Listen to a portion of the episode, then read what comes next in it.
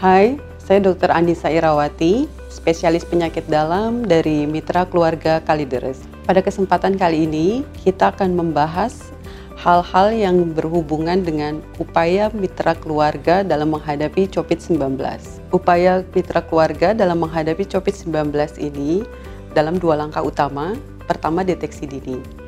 Deteksi dini ini dengan penemuan pasien demam kami melakukan pemeriksaan suhu dengan menggunakan thermal scanner pada pasien dan pengunjung di rumah sakit Mitra Keluarga.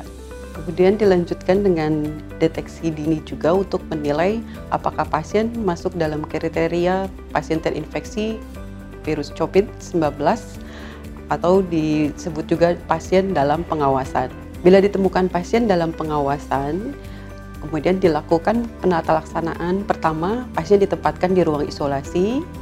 Kemudian dilakukan tata laksana sesuai dengan kondisi klinis pasien.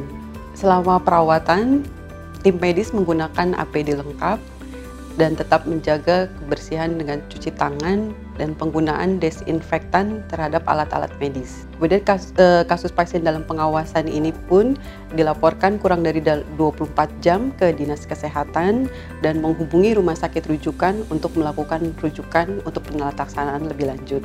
Langkah kedua dari mitra keluarga adalah meminimalkan resiko penularan dengan melakukan edukasi kesehatan terhadap pengunjung, pasien, dan masyarakat edukasi kesehatan yang dilakukan untuk mencegah risiko penularan dengan mengajarkan bagaimana cara mencuci tangan, baik mencuci tangan dengan air mengalir dan sabun ataupun dengan hand sanitizer. Bila Anda batuk, gunakanlah masker. Apabila tidak ada masker, lakukan etika batuk dengan menutup mulut dan hidung dengan menggunakan siku tangan untuk mencegah penularan terhadap orang di sekitar Anda.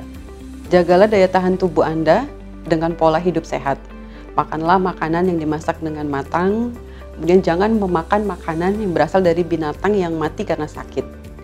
Kemudian cukup istirahat dengan pola tidur 6-8 jam setiap hari, kemudian olahraga yang rutin, dan makan dengan gizi yang seimbang. Sekian pembahasan kali ini mengenai upaya mitra keluarga menghadapi COVID-19. Apabila Anda membutuhkan informasi lebih lanjut, silakan menghubungi mitra keluarga. Sampai jumpa di sesi pembahasan kesehatan lainnya. Mitra Keluarga. Life, Love, Laughter